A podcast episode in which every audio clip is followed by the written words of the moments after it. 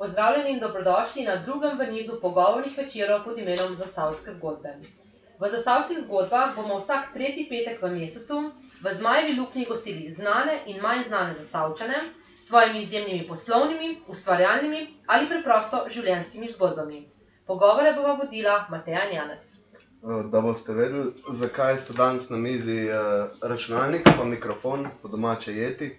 Eh, Današnji pogovor bo posnet in uporabljen za podajo oziroma podcast za savske zgodbe. Eh, Podcast oziroma po slovensko podaja je digitalna vsebina, ki jo je mogoče spleta v obliki audio ali pa video datotek prenesti na računalnik, tablico, telefon. Eh, Našli jo boste pa na Facebookih kot Zmajeve lukne, punkta pa na podstrani punkta podcast.punkt-cc.org.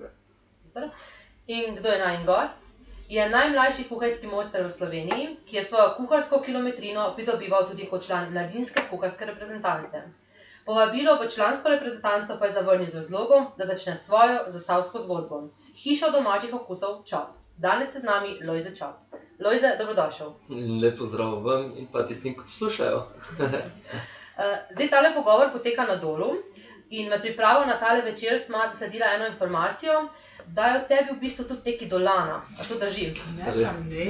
ja, res je, res je. Eh, Polovica mi pripada na dol pri Hrastniku, Eh, moj staroče, stara mama sta bila tukaj, eh, tudi prababica in pa seveda mami prihaja iz teh krajev.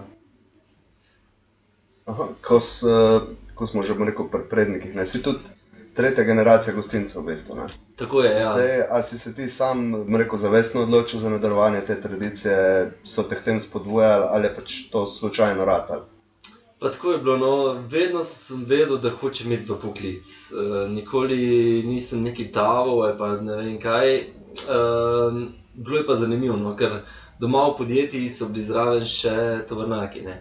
In uh, veš, že kot mlad fant sem imel izredno veselje, da sem šel zraven, ko so tovrnaki prišli konec tedna domov, jih je bilo treba oprati, bilo treba Šrafati. avtomobile zrihtati in tako naprej. Uh, in pa, seveda, ker so mi dali tudi tovrnake malo zapeljati gor dol, in sem razmišljal, da a bi šel mogoče v mehanično šolo ali bi šel v gostinsko. No, nekako tako je pol bilo, da sem govoril s starejšo sestro, mi smo bila tudi skupaj v sobi in res sva zelo mladosti skupaj preživela.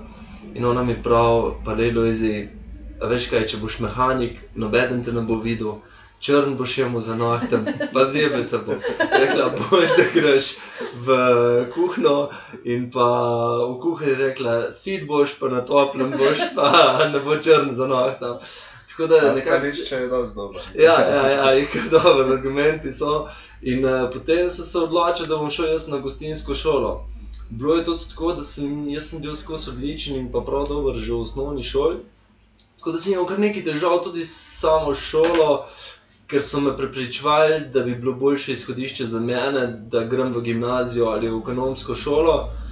Jaz pa nisem imel tega vesela. Že vedno sem bil takšen tip, ki rad dela z rokami in pa rad imam neko efektivnost oziroma nekaj vizualno, da, da, da, Da se nekaj prime- vidi, Da se nekaj naredil, vidi, ne. ja. Ja. in pa mogoče tudi takojšen odziv. Aha. Ja. Okay, kot si že rekel, ti si se odločil za kuharsko šolo, ne? si jo tudi upravil, pa si postal čez čas najmanjši kuhar, kuharski mojster pri nas. Ne? Kako ta naziv pridobiš? Pa s čim se moraš izkazati, naprimer, da ti je tukaj malo tebi to že uspelo? Takole je nekako, eh, res je, da se jaz zelo malo zaposlil doma. Jaz sem z 18 leti že začel um, doma voditi kuhno, oziroma začel sem jo voditi že pri 15, ko sem šel v gostinsko šolo. In um, ker pač želel sem imel vedno še nekaj študirati. Vedno sem si želel iti na Bled ali pa na Primorsk študirati eh, gostinstvo, turizem, nekaj v tem smislu. Ampak doma je bilo tako veliko dela, da mi to nikakor ni zneslo. Tako da sem se pol uh, odločil, da se bom pa, zakaj se pa ne bi šolo obdelal. In uh, jaz enkrat berem obrtnika in zasledim uh, preko obrtne zbornice Slovenije razpis za mojsterske izpite za razne poklice. In ko sem vprašal, ali je to mogoče ali ni, uh, je bilo, da je treba imeti, se pravi, peto stopno izobrazbe, uh, treba je imeti tudi izkušnje z vodstvom kuhinje, to se pravi, da, da si šef kuhinje najmanj pet let, uh, da, da imaš tudi izkušnje z vodenjem samih ljudi v obratu. Tako da sem se poje pa odločil, da sem rekel, jaz bi pa šel to narediti. Pa ne zaradi tega, ker zdaj drugače kuham, kot sem kuhal prej, ampak bolj zaradi samega naziva, ker te ljudje tudi malo drugače pogledajo, sprejmejo in pa cenijo tisto, če vejo, da si nekaj dosegel. Kako to zgleda? Mojsterski izpiti uh, so sestavljeni iz večjih segmentov, to se pravi, eden je recimo iz strokovnih predmetov, kot so svetovna vina, siri, um, razne druge stvari, ki se dogajajo v kuhinji, tudi od artistike v kulinariki in tako naprej, razne temperature, priprave. Potem poslovno-ekonomski del, to je bilo treba, seveda, tudi pokazati znanje, da znaš ti eno restauracijo voditi, material kupiti ceno izračunati, maržo svoje izračunati in pa to tudi na koncu prodati. Uh, je pa tudi še um, en segment, se pravi, pedagoško-andragoški del, to pa je tudi zato, da lahko imaš uh, vajence oziroma dijake na praksah. Um, in to mi je dalo en tak lep izhodišče. Imel sem že prej izkušnje s tem, ampak to mi je naredilo eno tako uh, popolno sliko tudi za mene. Je, zadnji del je pa sestavljen, pa seveda iz strokovnega izpita. Strokovni izpit je pa sestavljen uh, iz kuhanja, to se pravi priprava artistike v kulinariki. V artistiki se ponovadi dela ali izrazuje zelenjavo, ali se delajo ledene skulpture, čokoladne skulpture ali pa maslene skulpture. In uh, takrat sem se odločil, da bom naredil masleno skulpturo in sem naredil iz 9 kg masla, sem naredil viteza. Um, priprava hladne plošče in pa še mizirane, še mizirane je dejansko premaz uh, želatine čez hrano, da se ta lepo svet, da lepo zgleda in pa tudi da drži dlje časa. Uh, kasneje pa tudi v živo kuhanje z uh, diakom, katerega ti oni določijo in ga moraš ti tudi usmerjati, se pravi priprava večerje za 12 oseb, z, se pravi tudi strokovno žirijo. Uh, kuhar, te izpite sem upravljal na višji šoli v Mariupoli. In um, en tak lep, lepo osnovo mi je dal, in pa tudi mogoče, da sem dokazal stroki, če sem sposoben. To mi je mogoče še največ pomeni. Si pa to dosegel pri katerih letih? Uh, pri 24 letih sem postal najmlajši kuharski mojster v Sloveniji. Zdaj, vsi tisti, ki so upravljali te mojsterske izpite, so vsi preko 40 let stari. To so vsi šefi kuhen, ki so že izkušeni in tako naprej, ampak so isto hoteli to upravljati. Uh, je pa res, da sem na teh mojstrskih izpitih tudi dovolj kupe nekih dobrih poznanstv, uh, navez in tako naprej. Tako da dan danes ni nič več nič problem za inventar, za material, dobiti karkoli, ker ti da to eno lepo skupino, ko jo poznaš in kamor prideš. Ja, ja, uh, poznaš ljudi tudi na strokovnih srečanjih in tako naprej. To, to, je, to je nekaj lepega. Oh, um, čestitke za ta uspeh. Hvala. Ni pa to seveda edini uspeh. Ne? Bil si tudi član mladinske kuharske reprezentance.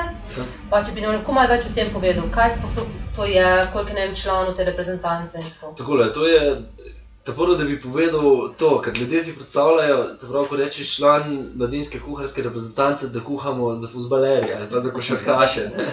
Ampak to ni res. Ne. Normalno, tako kot so mladinci nogometaši, tako kot so mladinci košarkaši ali kakršen koli drug šport, tako so tudi kuhari. In uh, seveda so tudi kuharske olimpijade, svetovna prvenstva, evropska prvenstva, razne kulinarične razstave in tako naprej. No, kako se je pa to začelo? Uh, se pravi, mladinska slovenska kuharska reprezentanca je iskala neke perspektivne dijake po šolah. Ker je naša šola uh, malo bolj umaknjena, mogoče iz te scene, na našo šolo sploh ni prišel poziv, da bi dali, mogoče, da bi šola Aha, priporočala koga, da bi šel uh, v ta nabor ali pa na provo. In enkrat strežem doma uh, ene ljudi in kuham in razlagam in povem. In je bila ena gospa zraven, ki je bila pa prej v žirijah oziroma v ocenjevanjih jedi in tako naprej. In mi pravi, veš, je zdaj, te pa gledam, pa kako si sposoben, pa kaj delaš, pa tako naprej. A bi ti prišel na brdo pri kranju, pa bi se probo, um, pa da vidimo, če bo kaj iz tega. Sem rekel, zakopa ne si pa zgubiti, nimam kaj drugega, kot da grem.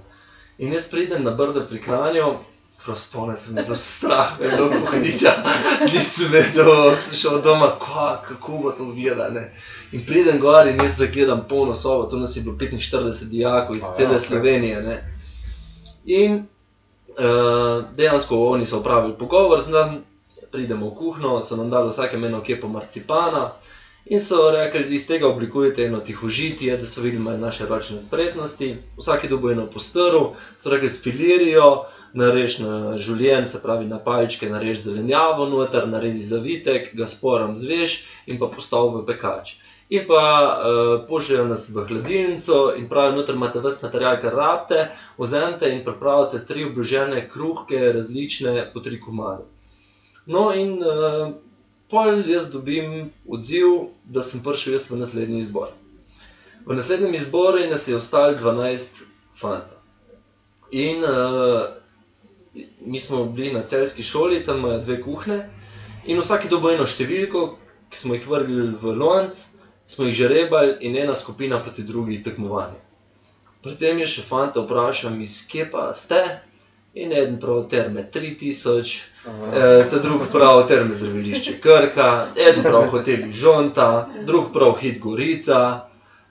Jaz sem se sam pri sebi kar malo vprašal, pravi, skaj pa ti si rekel, sem pa var za ene kmečke gostilne izpod kuma. ne." In uh, v glavnem in oni nam rečejo, lejte, tukaj da imate material in nam sestavljajo dve mize velike in gor materijala ogromno.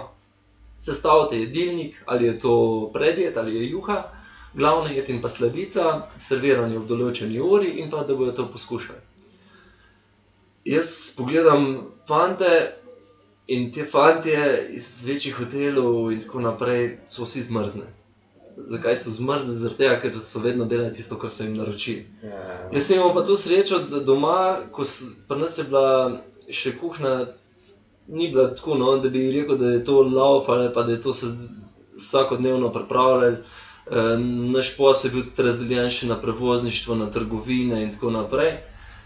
In uh, jaz sem sam robo nabavil, sam sem jedilnike pisal, sam sem hrano pripravil, na koncu sem pa še pospravil. In meni je bil noben problem ta jedilnik Ja, narediti, vedel sem, ja. vedel sem, ko hočem narediti.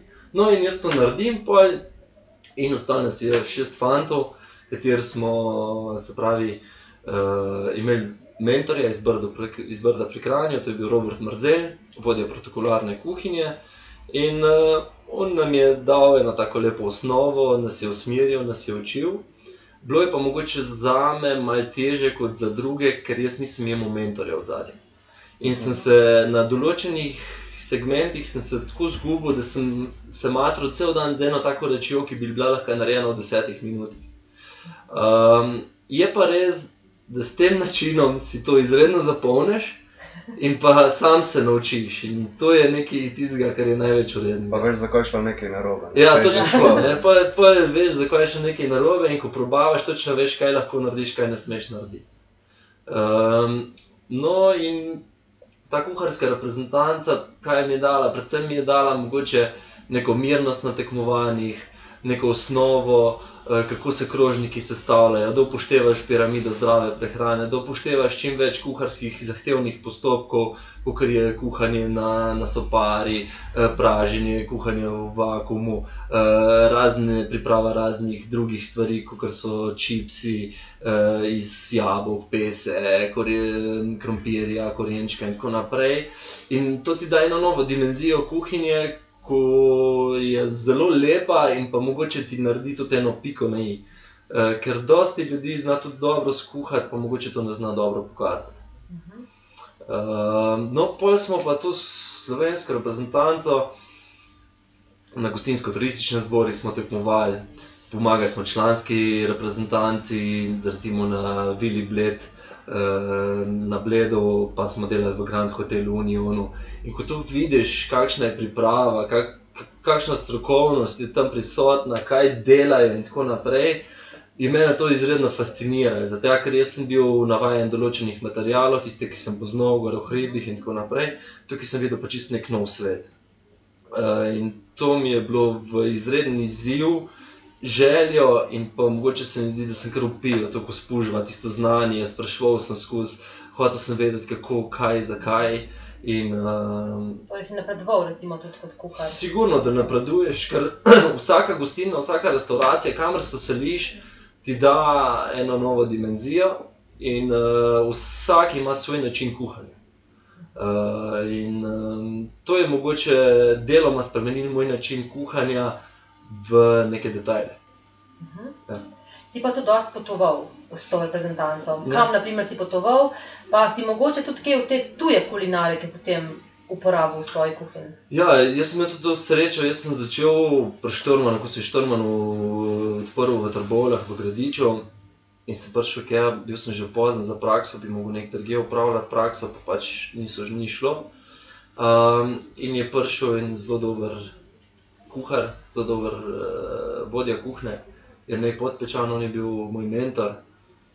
In um, v glavnem je pokazal, da ni kuhinja samo matranje, pomivanje, skrivanje v ozadju in tako naprej ampak da je to en tak užitek, da je to ena umetnost, da, da lahko res se izraziš s tem, kakšen si, kaj si ti in tako naprej. Um, in z njim sem tudi potoval recimo, na Islandijo. Na Islandiji smo 14 dni predstavljali slovensko kulinariko. Z njim sem se doselil tudi po različnih gostilnah, ko so se odpirale na novo. Ali je bilo to hotel Savinja v Laškem, potem grad Laško, delal sem tudi pri Štormanu v celju. Uh, in pa spoznal tudi spet enih in kup nekih dobrih ljudi okrog sebe, in ko jih opazuješ, kaj vsak dela, kakšno stvar ukradeš in pa si jo prilagodiš po svoje. Ne? In uh, to ti da za cel življenje na osnovo. No. Uh, z reprezentanco smo pa tudi dosti hodili na, na razne tekmovanja. Um, ali so bila to po Sloveniji, ali pa smo šli tudi v Avstrijo, šli smo v Italijo. Uh, drugače sem pa tudi kot, kot kuhar domačega gostišča, sem šel tudi v Srbijo kuhati za predsednika Tadiča, uh, tukaj v Sloveniji sem kuhal tudi za vse predsednike, ker jih je, tudi se pravi od Kučana, uh, tudi Pahorja, seveda Danila Tirka in tako naprej. In um, ko te ljudje vidijo, da si mogoče slikan z eno tako osebnostjo, pa ti da seveda en vzgon in pa mogoče tudi neko zaupanje ljudi. Mhm. Imaš kaj večjo vrednost. Ja, sigurno. Zdaj, uh, rekel, naprimer, ste bili v Islandiji in tako naprej. Imaš kakšno zanimivo anegdoto? Ne parih smo že mi tudi govorili. Ne? Naprimer, si kaj pokusil, sku, tudi skuhal, kakšno res posebno je. Ja, imeli smo zelo lep slovenski jedilnik. Mi smo pripravljali eh, za hladno predjed, smo imeli slovenski želodec, eh, potem smo imeli eh, bučno skuto in pa hladetino oziroma tlačenko. Eh, potem smo imeli za toplo predjed eh, istrske fuže s tartufi. Za juho smo naredili eno dvojno močno kupunovo juho z eh, rezanci. Uh, glavno jed mi je že malo šla iz spomina, ampak vem, da smo pripravljali v enem delu jagenčka, v drugem delu pa mislim, da ribo. In pa za sladico se spomnim, da smo naredili en dober ajdov trijet in pol kuhane nešple uh, in pa eno dobro tako omako za zraven. Um, tako da to je bilo res tako zanimivo. No, smo pa tam probavali, normalno smo probavali njihove jedi. In pri tem mojstri, ki sem bil tam, on je najbolj priznan islandski kuhar, tudi izdal je že štiri knjige. Uh, mi pravi, boš nekaj poskusil. Ne? No, jaz pravim normalno. In jaz vidim za me eno kračo ven, jo upne v stojal in začne rezati, to kot pršut. Ne? Pač videl sem, da je nekaj manjšega, da ni to eh, pršut iz, iz svinine. Ampak jaz tam meso voham, voham, voham, odgriznem, jem, pa na neki me spominja, ampak nisem vedel na kaj. Ne? Nobene asociacije nisem dobil na začimbe, ker je ta zgane. In uh, pravijo, veš kaj je to, rekel, ja vidim, da je neki jegneči pršut, ampak ne vem s čim, kaj je to, ne? nekaj je dimljeno, ampak ne vem kako ne. Prav, ja, to je pa prekajeno jegneče stegno z uh, suhimi konjskimi figami oziroma s konjskim drekom. Ne? In uh, ker na Islandiji ni gozdov, ni hoste in pač niso mogli drugače konzervirati samega Ja. mesa, so konjske fige vzeli, ker je bila še najbolj čista stvar, ki so jo lahko uporabili in so jih zakurili in so s tistem prekadili meso. No, druga stvar, ja, druga stvar, ki me je izredno šokirala, je bil, se pravi, njihov značilni morski pes, ki je struhnjen. se pravi, oni to ulovijo, um, zakopljajo v zemljo, začne trohneti in potem še obesijo na zrak. In to tako smrdi, tako smrdi, da tudi muhe zraven ne vidiš. Pa si lahko predstavljate, kako je to. Ne? In uh, jaz sem to pač poskusil, zraven ti pa postreže eno žganje, kuhano iz krompirja, timjanovo žganje, zvejco timjana noter. No, in uh, ta žganje je bil še najboljši del tistega, tistega kar sem pač Ja, nekako moraš ven spraviti. Ja, nekaj moraš to uh, ugasniti, tisti okus in pa ven v, v ustih. Um, tako da je bilo, res je bilo zanimivo. No. Vprašal, zakaj to oni jejo. Ne? Pa je rekel, ta kuhar, da oni, islanci, da tudi oni redko to jejo, je pa to njihova specialiteta, ker izhaja iz legende. Da so vikingi nalovili ogromno morskih skatov in pa morskih psov, ki jih niso uživali, niso jih jedli. In ko so jih nalovili, ki so jim ujeli, so, so prišli do obale in so tiste ribe zmetalke na obalo. In pol je bila zelo huda zima, in pa ogromno enih pridelkov se jim je pokvarilo, in za božič niso imeli kaj za jesti. In so se vrnili tam nazaj na obalo in so izpod snega skopali te ribe in so to pojedli, da so preživeli. In to je ena taka lepa legenda, se pravi iz Islandije, pa ena taka dobra izkušnja. Uh, zdaj, pomladinski reprezentanci so ti pa ponudili tudi mesto v članski, ampak si zavrnil. Zakaj? Ja, vprašali so me, če sem zainteresiran, da bi se vključil tudi v člansko reprezentanco. Morate vedeti, da tudi v športu, tudi v kuhinji gro, kar velik finančni vložek v te stvari. Vedno hočeš imeti nov inventar za kulinarične razstave, vedno razmišljaš, kaj bi naredil, kako bi naredil, da bi bil drugačen, inovativen, eh, da bi to lepo izgledalo in tako naprej. Eh, res je pa tudi, da sem eh, začel se že dogovarjati doma, da bom prevzel posel. Uh, mama mi je šla tudi uh, zdaj v penzion, in uh, ko smo se pogovarjali, kaj pa kako bo, pa kakšne imam jaz namene, sta rekla ati in mami, da si bo ta pač penzijo zaslužila tudi staro gostilno. Uh, jaz pa naj naredim, kar hočem. To se pravi, da me niso nikoli silili v to, da moram jaz to biti, jaz, da moram biti gostinca, kako koli. Ati, ati bil še celo zelo proti, ne, ker je rekel, da bom cel življenje delal in tako naprej, ampak mi je. To je en tak užitek. No. Če, če ti vložiš svoj trud noter, pa da ljudem pokažeš, pa da se potrudiš, tisti uh, feedback, oziroma tisto, kar dobiš takoj nazaj, tisto energijo, zahvaležnost in tako naprej, to te pa pobere. To ti pa deva energijo za naprej in upanje, in to je nekaj najlepšega, kar lahko človek občuti, tisto hvaležnost ljudi, eh, ko jim nekaj dobrega pripraviš. Vse kako pa je, naprimer, ker eh, koliko časa ste že vi zdaj odprti? Mi smo zdaj eh, v novi gostilni, smo imeli glih obletnico, dve leti. Smo odprti, eh, to je sicer objekt, je šest let stal, je bilo pozidan do podstrehe, nismo vedeli, kaj, kako bomo. eh, Pač takrat smo vzeli kredit in tisti kredit smo odplačali, in potem sta rekla, ati in mami, spusti se v to, če si prepričan, da boš to zdržal, da boš to naredil, in sem se spustil v to. Kako pa ti je zdaj to po dveh letih, mi rekel, ne? kak je občutek? Kako je voditi? to? Občutek je zelo dober, predvsem zaradi tega, ker se zavedam, da sem za svoje leta že kar nekaj dosegel. Je pa tudi res, da pri mojem poklicu ne moreš na lovorikah čist nič počivati. Ker če si rečeš, sem včeraj dobro skuhal, še nič ne pomeni, če imaš danes goste v restavraciji, v gostilni. In uh, vsakeč se je treba na novo potruditi, na novo nekaj pogruntati, in tako naprej. In glih to mi je bilo veselje, zato ker ta mladinska reprezentanca mi dala stalno ene izzive in tako naprej. In vedno sem iskal nekaj drugačnega, kaj bi še lahko dopolnil, kako bi krožnik sestavil. Naučil sem se gledati barve, recimo na krožniku, oblike sestavin na krožniku, uh, potem strukture, se pravi kremavost, uh, žilavost, ali hr- hrustlavost in tako naprej. In um, to je nekaj tazga, no, kar, kar lahko uporabljam še danes. Uh, večkrat pripravljate tudi posebne grajske večere, ne? tudi catering ekipa ima rekel, grajsko temo. ne. Ja. To ni na ključe. Ne? Ni na ključe, imamo zelo lepo zgodovino. Uh, Marsikdo sploh ne ve, tudi so krajani velikrat ne vejo.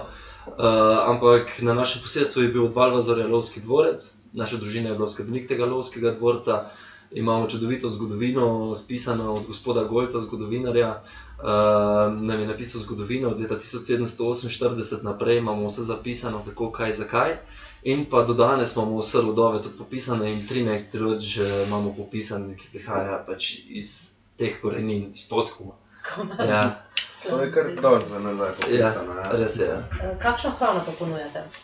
Um, ko sem razmišljal, ko sem v jedilniku, ko se je bližala otvoritev nove gostilne, sem razmišljal, ali bi šel na visoko kulinariko ali bi šel na tisto, kar me vleče srce. In odločil sem se za tisto, kar me vleče srce. In odločil sem se za lokalno, sezonsko in slovensko kuhinjo. To se pravi, tisto, kar mi je mama kuhala, tisto, kar sem poznal, to mi je vedno v, v izziv. Mogoče s tistim znanjem, ki sem ga pa v reprezentanci dobil, ga lahko pa prenesem še mogoče na, na, na to pristno domačo kuhno. In uh, še vedno mi je najbolj pomemben okus hrane. Ampak krat imam pa tudi, da je lepo pripravljeno, da je lepo zloženo in pa da je to tako narejeno, se pravi, sami postopki, da so tako pripravljeni, kot morajo biti. Um, ko pa recimo ti ne raj pripravljaš, kjer jed? Um, zmeraj je bilo tako, da kadar sem v šoli začel, zmeraj sem pripravljal meso. Ogromno, tudi doma, ko so bile koline, sem bil zmeraj zraven, noče je lovc, ko je ustrelil, sem bil zmeraj zraven. Uh, ko se je nekaj pripravljalo, to, to, to mi je bilo zmeraj fascinantno, različna mesa, kako, ve, kako veš, katero začimbo vzeti, koliko časa dušiti. Uh, kater kos mesa vzeti in tako naprej, kam kaj spada. In to, to me je zmeril lekelj, plus tega, da je bilo zmeraj tako pri praksi v šoli, je zmeraj rekel profesor, da če ob ti meso deli, da bomo imeli vse kaj za jesti. tako da, ja. In tako se je začelo. No. Drugače pa zelo rad pripravljam tudi razne umake, priloge, pireje. Um, pa tudi določene sladice. Nisem mogoče tako dober v samih pecivih in tako naprej, ampak v kakšne torte naredim, kakšne rezine in tako naprej z, z sezonskim materialom. To mi pa zmeri lušni delati. Največ veselje mi je, ko pridem v kuhno, um, pogledam, kaj imam, kaj nimam, grem na nivo, si naberem, pridem v gostilno, si dam zraven še kak meso ali ribo in tako naprej. In, uh, Iz tistega nekaj dobrega pripravljam. Se pravi, v gostilni pa tudi ne ponujamo nobenih morskih jedi, nobenih pic, eh, špagetov in podobnih reči. Bolj smo se osredotočili na samo zelenjavo, katero imamo. Um, zdaj imamo recimo koline, ker je bolj zimski čas, ali je to repa, matevš, ajdovi žganci, ajdovi štrukli in tako naprej. Um, in pa ogromno delam tudi z divječino rad.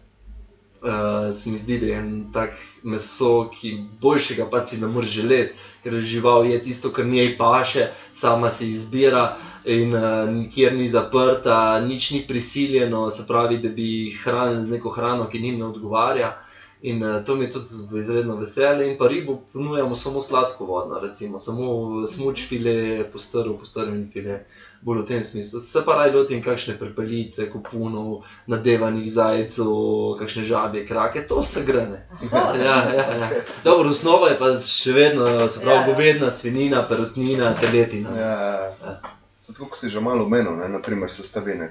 Koliko daš ti poudarka tej domači pripravi, sledljivosti, sami kakovosti? Ne? Sam imaš tudi svoj vrt. ne. Ja, jaz imam ne vrt, imam, Ti imaš ne, njivo. imam ene tri vrte, pa imam Ja. eno veliko nivo. Ja, Ne. ja.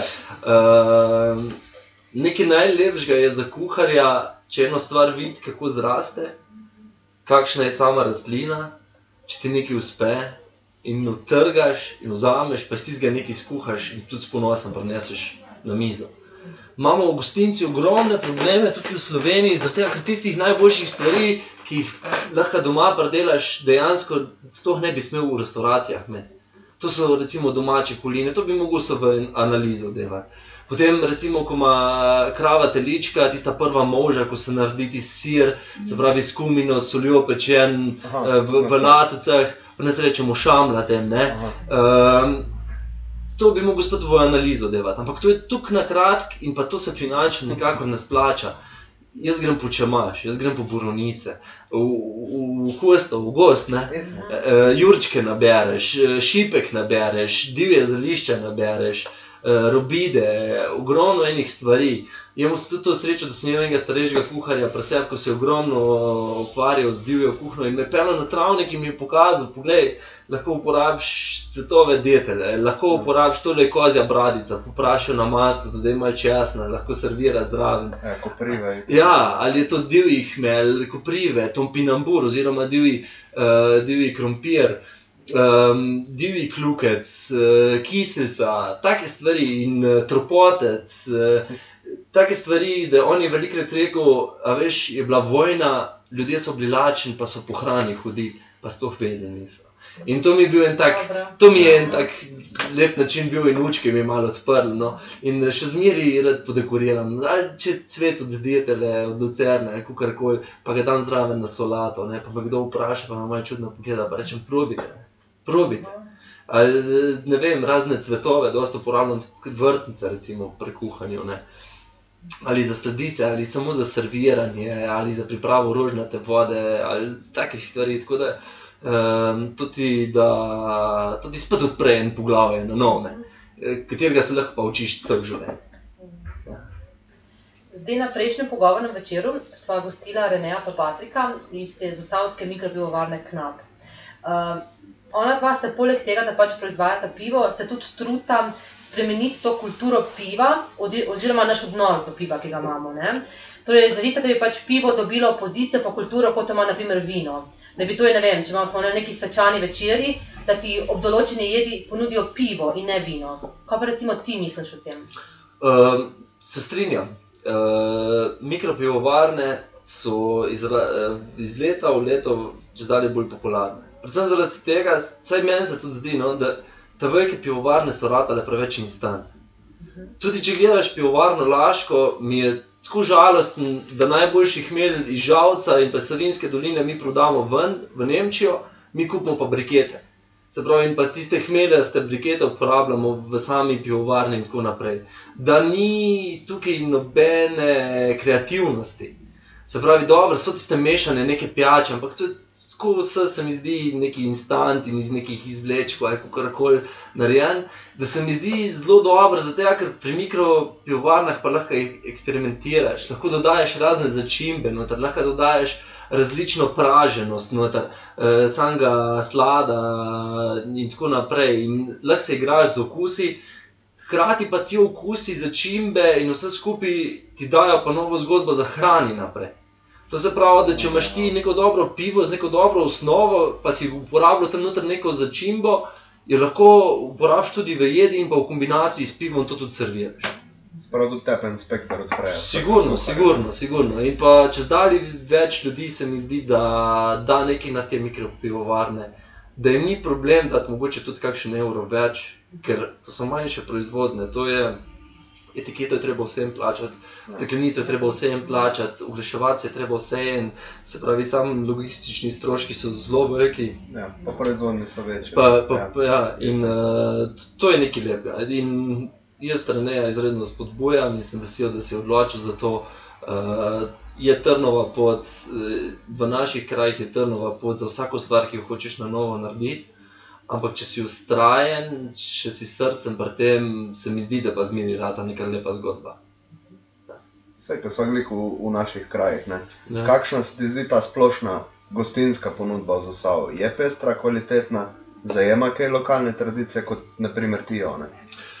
Jaz jo in uh, ogromno gostin tudi zdaj to dela. Meni meni so včasih prišli, pa sem povedal, iz kje smo dobili stvari, pa kaj delamo, pa tako naprej. Pa so rekli, o, Madonna, vi ste pa tako moderni, da. Sem rekel, mi nismo nič moderni, mi pač Ja, tako ja. delamo že skozi, ker v osnovi vedno je najcenejše, če vzameš ti lokalni material.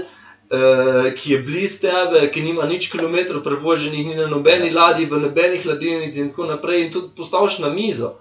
To ni treba nič vzdrževati, ampak dejansko pogledaš, kaj je sezona, kaj ti takrat zraste in iz tistega nekaj skombiniraš. In tudi kuham sam po tem načelu, se pravi, da ko vidim material, vem, kaj bom kuhal. Nikoli pa ne delam vnaprej meniju in pa iz tistega, se pravi, ven na material kupujem.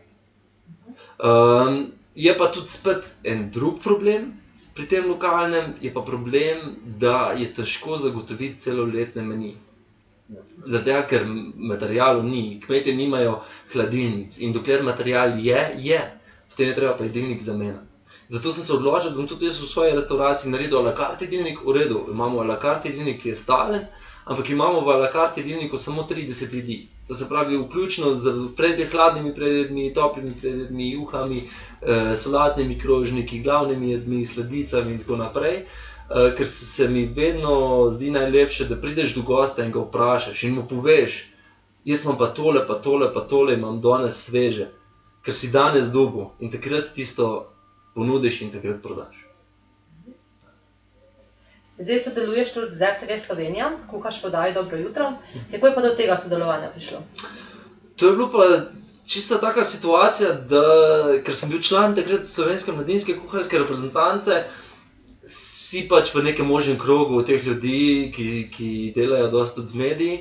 In oni so poslali nam vsem maile, če kdo želi, da RTV išče, če kdo želi, pa se pridite provat. Ne? In jaz pridem na RTV. Jaz, mulo, sem bil, ko pa vem, kako sem bil star, moje tam je nekih 22-23 let.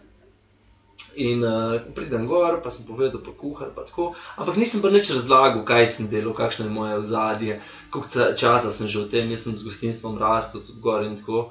Um, in ona meni pravi, ja, veste pa. Je treba tudi kaj povedati zraven, pa je treba tudi uh, na kakšno vprašanje odgovoriti, in tako naprej. Ne? In sem rekel, ja, v redu. Ne? In po mojem so si mislili, kako pa bo ta le kekec tukaj ne, ne? Uh, naredil. In uh, bilo je pa tako, da smo imeli, takrat je bilo tako, da so nas povabili in smo bili vsak petek, je en kuhar kuhal, tri vikende, oziroma. Uh, Vsak v enem tednu, Ja. četrti teden je bil pa izbor, se pravi, kjer jim je bil najboljši. So bili pa mačken vzeti ven določeni klipi in so iz tistega pač malo pokazali, in so ljudje glasovali. In jaz sem tekmoval proti svojemu mentorju. In tekmoval sem proti, uh, se pravi, profesorju kuhinje iz Selske šole. Težko. In, ja, in dobil sem nekaj čez 70% glasov. Lepo. In uh, to mi je dal en tak še, še bil zagon, da se še bolj trudiš. Uh, je pa tudi res, da ko greš na televizijo, zmeri hočeš tudi ljudem nekaj novega predstaviti. Tudi če imam lokalni material, tudi če imam domače. Pa mogoče to hočem obrniti, pa pokazati, še, kako se to da še, drugače, še, še Ja, ja, drugače to pripraviti. ne. In uh, ljudje se poistovetijo te, s tem, predvsem, ker uh, ne uporabljam tujih začimb, ne uporabljam uh, mesa, ki, ki, ga, ki ni dosegljivo za druge, in tako naprej. Ampak zmeraj hočem kuhati za ljudi. Jaz ne kuham na televiziji za svojo stroko, da bojo mene ocenjevali kuhari, ampak kuham za ljudi, ker je tudi takšna, ljudje to gledajo. Mhm. In nekaj najlepšega je, ko pridem, pa ko ga srečam, pa je prav, veš, sem te gledal, ti to tako delaš, jaz pa to drugače pripravim, pa, tako, pa ti še un svoj recept zraven pove. In uh, takrat se najdeš, no, ker tudi oni vejo, kaj ti delaš in tako naprej. In pa RTV mi je dalo eno tako prijetno zaupanje gostov, ko pridejo k meni v gosti. Mhm. Uh, je pa tudi tako, no, da sem uh, zdaj pet let na RTV-ju, delal sem tudi z drugimi mediji, z raznimi radiji, z uh, raznimi časopisi in tako naprej. Uh, no, zdaj pa nažalost RTV zapuščam, ker podpisujem uh, pogodbo z eno drugo uh, firmo, ker bom neke reklame snemu v smislu, da postanem njihov obraz za prodajo same posode. Hkrati se bo pa predstavila še moja gostilna, zgodba, lokacija in tako naprej. Tako da to pa meni veliko pomeni, ker sem na odmaknjenem kraju, vsak se mora k meni pripeljati Ja. uh, in jaz to izredno cenim. Jaz moram pa tudi pokazati Sloveniji, kdo sem, pa kaj sem, pa kaj znam, uh, potem pa bomo videli, kam ta pot pelje.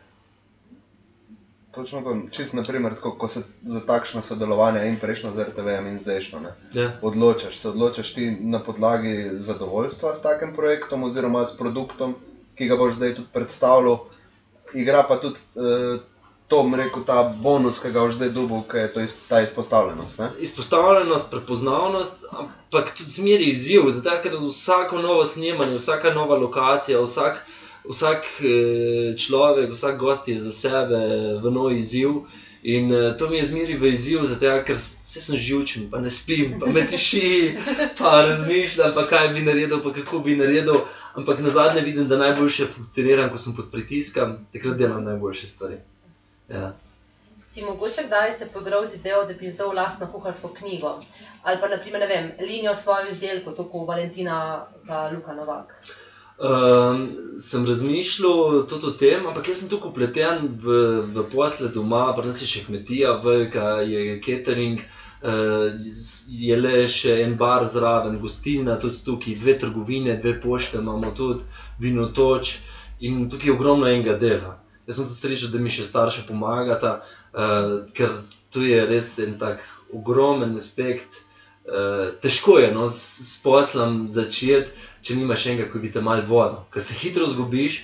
Sploh pa v teh časih, ko ni toliko denarja, se hitro finančno sam sebe uničiš ker so veliki vložki, uh, nizki izkoristki. Ja. Če nisi trmast, če nisi ustrajen pri tem, kar delaš, ti nikakor ne more uspeti. Uh, sem pa tudi za knjigo razmišljal, da bi jo naredil ali ne. In nekaj sem to v oddaji povedal na televiziji. Ne? In jaz takoj dobim na mail od dveh žensk, da karkoli bom rabil, za spisati, za, za oblikovati, za urediti, da mi bojo vse gratis pomagali, zato ker pač so se tam videli in se jim zdi tako prav. In uh, zmeri razmišljam, ampak zmeri je premaj cajt. Cajt, oziroma čas je danes krtko. No. Uh, ja, to ne bi mogel biti tak delni projekt. Ne, ni to delni projekt. Jaz bi rad bi dal v prvo knjigo, daš srce in dušo, tisti, kar te tiši noter, tisti, kar hočeš dati ven, tisti, kar hočeš ljudem pokazati. Hkrati mora biti pa to tudi zanimiv za njih. Ne? Se pa ne moreš ti tople vode tam odkriti. Ne? Ampak zmeri moraš pa nek uh, svoj predig zraven dati, neko drugačno zraven dati. Uh, če to še lepo opisano, slike, da so lepe, spre, spremna beseda, da je zraven, uh, se to vse da. Jaz mislim, da bo. Enkrat bo. No. Vse, glede na to, tvojo starost, je še kar nekaj časa, ja, da se lahko ja. tega lotiš. Uh, zdaj, če se malo dotaknemo zasalskih jedin, uh mhm. -huh. zdaj, ker nekaj poznamo, tudi v bistvu še danes, recimo, vem, kuhamo funšterec, krumpen točke na dirmarš. Uh -huh. uh, kaj pa recimo kakšne takšne, ko se po mojem sploh pri mlajših ne pojavljajo več tok, naprimer močnik. Ja. Ti recimo ga tudi pripravljaš, ne? mogoče če nam tudi recept zaupaš. Močnik je tako enostavna stvar, da si ljudje sploh ne morejo predstavljati.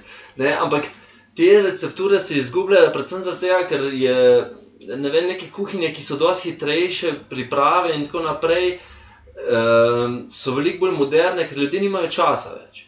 In danes močnik je treba narediti, se mora mečkim posušiti ne, in tako naprej. Zdaj, to je samo moka in jajčka razmešana, zdrobljena in potem to ukuhaš, to daš kuhati. Jaz obožujem ajdo močnik, recimo na mleku kuhan.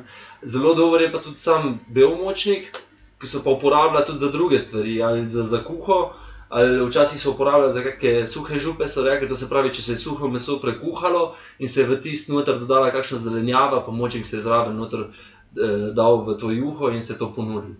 Eh, je pa tudi včasih težko to predstaviti ljudem, tega, ker mogoče okusa niso navajeni. In eh, če niso okusa navajeni, je to kar taka stvar. Ne? Zdaj pa določene stvari pa tudi zelo težko prepraviš, da bi bile vizualno zelo privlačne na oko, ne? da bi že na oko jih privabilo do te jedi. Ampak, um, ko enkrat to probaš, jaz sem pač rastel s tem in to je moja mladosti. Nostalgijo zmeri, cel življenje obujaš in zmeri se za nazaj spomniš, da ja, je mama to pripravila, smo tam to jedli in tako naprej. In uh, to je moja kuhinja, to, to je moj veselje. Recimo, omenil si, da tudi um, um, ne ponujate pic, pa tako naprej. Ko pa, na primer, kot otroci pridejo, jim lahko približaš te svoje jedi ali kakšen je odziv. Ja, ja. Včasih je težko. Uh, zdaj, ker te, pa zakaj nimaš pic, pa da je pico, pa noč bi pico jedel. Pa jim, ja, pa, pa jim rečem, lejte, se pa je pica vse posod. Na vsakem vogalu danes pica srečam. Tudi sam imam red. Jaz grem tudi na pico, zdaj ker je sam doma na pripravljanju in mi je zmeri fajn iti nekam drugam, pa nekaj drugega probati, ne? ali pa kitajsko hrano, ali pa tajsko, mehiško in tako naprej. To, to je zmeri nekaj, ker z vsake stvari spet še neko idejo dobiš ven, pa kaj biš sam naredil. Um, je pa, ko pa vem, no, kako, bi, kako bi povedal. Je zanimivo. No. Ja, je zanimivo. Kaj jim svetuješ? Um, ne vem, kako bi rekel, kaj jim svetujem. Svetujem jim ponovadi, jaz jim rečem, da je danes smo neko dobro hrano, domačo, pripravljeno, naj se navadi še kakšnega drugega okusa, ker ni tukaj Tukaj so tudi starši, da so krivi, ni, ni otrok kriv, zato ker on, če pač ustraja, bo dobil tisto, kar hoče. Ne? Tako Ja. kot je tako, kot pri bombonih. Ne? E, Če boš pa ti otroka enkrat navadil na neke nežnejše okuse, na neko drugo dimenzijo, pa da, da ne moreš reči za vsako jed, ki je sploh še v življenju probo, nisi jaz pa to ne jem. Ne? To ni pravi odziv za otroka, niti za starša. Ne? Bi mogel reči, poskusi, če ti ne odgovarja, pusti. Ja. Ne? To je v prvi osnova, se pravi, kako bi mogli do otrok pristopiti. Uh, je pa res, da ima počasi, včasih se pa tako nasmejim, zaradi tega, ker me pa otroci presenetijo. Ker oni radi jejo že neke domače stvari, pa to on reče, ja, imate to, imate to. Takrat se jim pa tudi fajn zdi, da ja, res. Uh, v zadnjem času tudi prej smo že omenjali knjige, ne, pa čim ful veliko kuharskih šovov, tudi Mm. samih kanalov. Ne. Kako Ja. se ti zdi, da to vrstne oddaje dvigujejo ogled kuhanju, kuharskim mojstrom ali jim škodijo? Kako vem, no, je dober pač zaradi tega, ker se ljudje mogoče malo bolj spodstopijo, pa sami doma kaj pripravijo. V drugi strani mi pa ni všeč, predvsem zaradi tega, ker je tako skomercializiran in ljudje nimajo drugačne predstave. In jaz večkrat rečem, ne moreš ti sodelovati v enem šovu in pa čez tri mesece pride ven mojster. Jaz sem v kuhinji, se pravi, 15 let intenzivno, pa sem še kar butl. Ogromno vem, ampak še kar ne veš skoraj nič. In ne more en men, mene prepričati, da ima on občutek za ljudi, za časovno razporeditev, za, za krožnike, za hrano, za material in tako naprej. To me ne more noben prepričati. In včasih se mi zdi škoda, ko poveličujejo uh, takšne ljudi in veliko zgodb sem že od zadja slišal, kaj, kako se naredi z njimi. Vsi visoko hodijo, so prepoznavni eno leto, potem pa izginejo iz obzorja. Pa se to je tako, kot pri vseh poklicih, a veš, ti imaš ne vem, neke analize, ki ima 10 tisoč ur, pač tebe naredi mojstra. ne. Res je, res je. In jaz pravim, ni važno, kaj si, ali cesto pometaš, ali eh, delaš v trgovini, ali si mesar, bodi v tistem dober, kar si. Eh, Naredi nekaj več, eh, pa predvsem treba se včasih dati malo izcovno obdobje. Ne? Tudi če ti kaj napaše, pa je včasih dobro to narediti, zato, ker edino tako se lahko širiš, edino tako lahko rasteš, ne? tudi sam. Imaš zdaj po tem času, ko si že sam kuhar, no, kakšen nasvet za mlade kuharje? Kaj, kaj ti vidiš, ki si pobiral od ostalih kuharjev? Kaj so tiste lastnosti vidim? Jaz dobrih kuharjev? vidim to, da a, mogoče ta televizija tudi to naredila, da si ljudje predstavljajo to malo prelahko. Zato, ker kuhinja je v začetku zelo trdo, intenzivno in pa težko delo. In uh, nikakor ne moreš ti ratati iz, ene, iz enega dneva v drugega, nekdo v kuhar ali karkoli, če ne začneš pri osnovah. In zmeraj je tako bilo. Vsak direktor je bil dober, tisti, ki je začel v proizvodni dela. Tisti je znal firmo voditi. Zato, ker v prvi, v prvi liniji je vedel tudi, koliko časa se neki pometa, kaj je treba narediti, kaj to zahteva od tega človeka, ali bo to šlo čez ali ne bo šlo. In težko je, da ti en deva direktive iz vrha, če sam ne ve, kako to zgleda. Ne? In isto je pa v kuhanju. Je treba začeti s solato trepti, je treba krompir pucati, je treba posodo pomivati, je treba biti uslužen, ampak poslušen zraven. Ker dan danes je največji problem, je, da ne zdržijo. Ne? Ja. Vsi so zagnani, vsi imajo tako vesele in ko se pogovarjajo z njimi. Ja, ja, ne. zakaj še kar posodo pomivam po dveh letih? Tudi jaz sem jo. Jaz sem to posode predrl, da si ljudje mislijo, da morajo. Ne? Mogoče danes ne pomivam več to, ker imam z organizacijo, pa z drugim stvarem uh, veliko dela. Ne? Mi je počasih, če pa nimam ne vem kaj v glavu, mi pa prav fajn, ker pa si nimam, pa si mislim svoje, pa razmišljaš o svojih stvareh. Ampak predvsem to no, za mlade bi jaz rekel, ustrajen biti, pa dajte biti poslušen.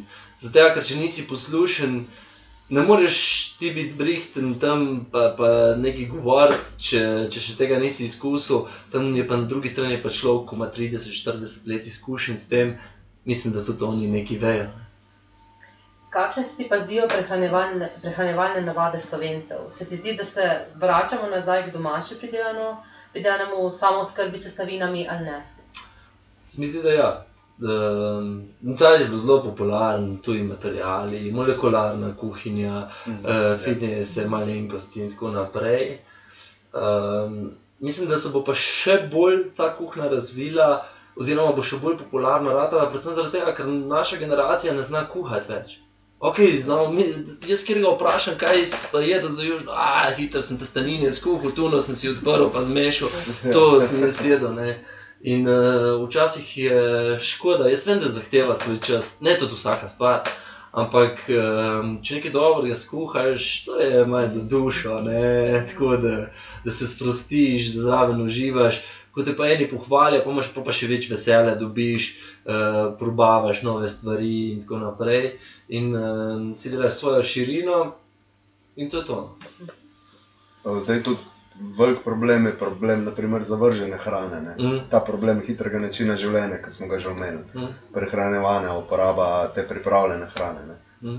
Koliko velik problem, oziroma kot ti meniš o tem problemu, koliko velik problem to vidiš? Zelo velik problem vidim jaz v sami prehranjevalni verigi, v zdravstveni organizaciji, ker do- dopuščajo, da so določene snovi, stabilizatorji, emulgatorji in tako naprej, da so noter v jedeh.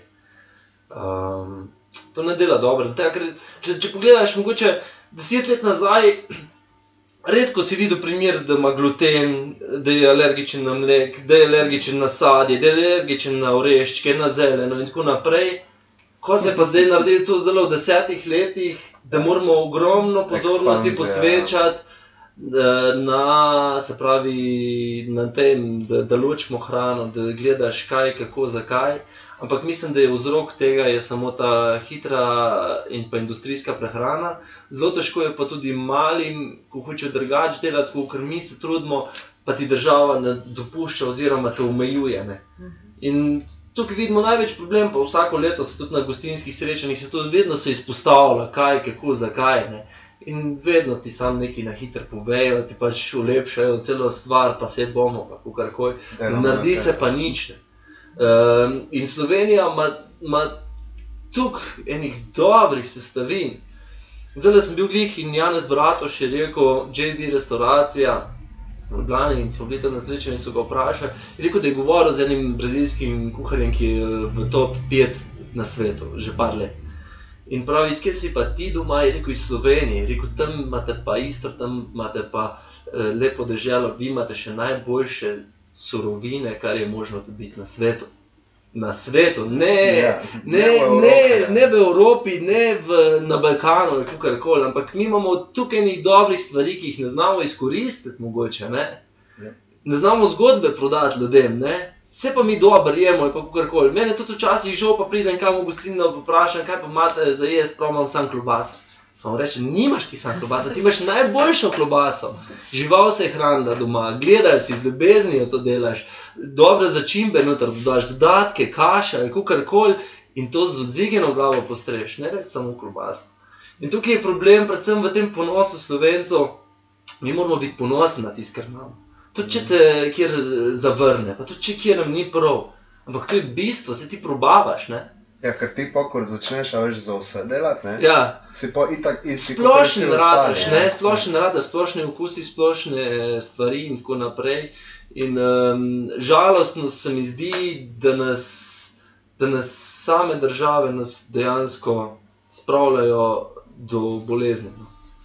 In uh, zmožnosti so pa tukšne v Sloveniji, mi bi lahko sami sebe preživeli. Mhm. Kamot, če bi bilo to prav nastavljeno, če bi to spodbujali, eh, če bi subvencije v take stvari vlagali, jaz mislim, da bi lahko ratali tudi v parih letih kulinarično središče v Evropi ali pa celo na svetu. Zato, ker tukaj je nekaj dobrih turističnih kmetij, lokalne namesto. Ljubezni, dela, truda, kar se tukaj vlaga noter, ljudje še to ne poznajo. Če bi prišli tujci noter, pa da bi to videli, to zgodbo v ozadju, koliko je enega truda, dela, pridelave, enih eh, zdravih stvari, vključenih v to, jaz mislim, da bi rata ena taka top destinacija za kulinariko. Um, tvoji načrti, želje za prihodne leta? Načrti, želje. Predvsem eh, želel bi, da tisto, kar sem recimo kredit vzel, da to odplačam. To me izredno mori, ker vedno v družini smo bili tako, da tisto, kar smo zaslužili, smo vložili naprej. Ne. Tukaj sem pa jaz vzel zdaj za deset let kredit in uh, ni hec v, v majhnem kraju, v hribih na 800 metrov nadmorske višine obstati in pa delati in pa še plače dati, za kredit odplačati. To mi je prioriteta. Želel bi tudi, da mogoče. Da imam tako dobro ekipo, oziroma da, da se tako zverziramo, da greš brez problema tudi stran. Uh, ker bi rad bi šel še potovati, rad bi še videl kaj drugega, rad bi šel še naokrog. Uh, Najspet sem bil na Tajskem in je bilo fenomenalen, fenomenalen. Dobro mi je bilo tudi zaradi tega, ker nobenega ne poznaš, nobenem ne govoriš in kako koli, ampak res bolj opazuješ ljudi, vonje, eh, same surovine, ki jih prej sploh v življenju videl nisi. Ne? In eh, to mi je bilo zmeri v veselje. Mogoče tista kuharska knjiga, ki smo prej govorili. Pol imam še želji doma v, v sklopu sam, samega gostišča, da bi še to malo razširil, od spanja na mrvi do do spanja v Sadovnjaku, do rad bi sobe tudi uh, uredil v novem poslopju, ker si zdaj trenutno nismo mogli to privoščiti, ker je bil prevelik vložek. Uh, ampak to predvsem, normalno, so pa še tukaj neke druge stvari, to je pa družino, neko svojo stvar. Eno lepo zgodbo narediti, in pa predvsem dobiti partnerja, ki te spodbuja, in pa mogoče ki te še malo vrti na brca, da si še malo boljši, ne, ne, ne samo da te dol leče. Super. Zdaj, vsakemu gostu za savske zgodbe zastaviva tudi dve tako zasavsko obarvani vprašanji, ki sta vedno enaki. Prvo vprašanje je, tvoja najljubša zasavska beseda? Moja. Ko povem, ko bi rekel. Lahko je tudi kletvica. Raj, ne, Ja, bi ne. pa kletvica. Ne, uh, mogoče, pa, ker sem kuhar, pa bom rekel nekaj od teh jedi. No. Krumpentoč, funštarc, to, to mi je zanimivo. Ali pa aleluja, aleluja, recimo jed ne, iz eh, krompirjevih ali pa repnih v, v lupku je bila to. Ne. In Aha, aleluja se mi zdi ena tako dobra, zanimiva stvar, pa mogoče najbolj tako. Prvič slišim, Ja. zasavska jed. Za savska jed, ja, Aha, aleluja. Ja. Smo se še nekaj novega naučili.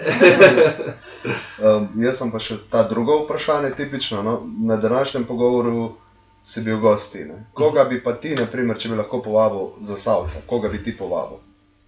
Za Savca izredno spoštovanje imam do kar parih ljudi, ki sem jih mogoče zelo srečal. Ogromno je, tudi v tem zasavju je ogromno enih dobrih ljudi. Um, z Mišotom Brečko tam smo zelo bila malo več v navezi, No. zaradi tega, ker smo bila oba tudi nominirana za zasavca leta. In um, z, občudujem Devesoft, uh, se pravi in Andreja Rožna in uh, se pravi Jurata, ja, kneza. k- eh, gospoda Kneza, res fenomenalno. Uh, tudi Sašo Knez, ki dela z, z tem stvarem, z avioni in z avionsko industrijo, in tako naprej, izredno spoštovanje imam do teh ljudi, uh, ki ne obupajo, ki ne rečejo zmeri, sam se se nada, ampak grejo nekaj novega in dokažejo dejansko vsem ljudem, tudi meni, ko se da narediti. Če, če znaš, če imaš znanje, če je volja, včasih moraš biti tudi na pravem mestu, v pravem času, to je tudi pomembno, ampak uh, slej ko prej, če devaš trud, ljubezen v to, tudi to pride. Okay. Tako nekako smo prišli do zaključka današnjega pogovora. Lojzi, hvala tebi, ker si bil gost na tem drugem večeru. Z veseljem. Uh, hvala pa tudi vsem trem, ki ste prišli danes, pa povabilo naprej na naslednje dogodke, ki bo spet 3. petek v decembru. Tako. Ok, hvala. Hvala lepa, lepo zdrav.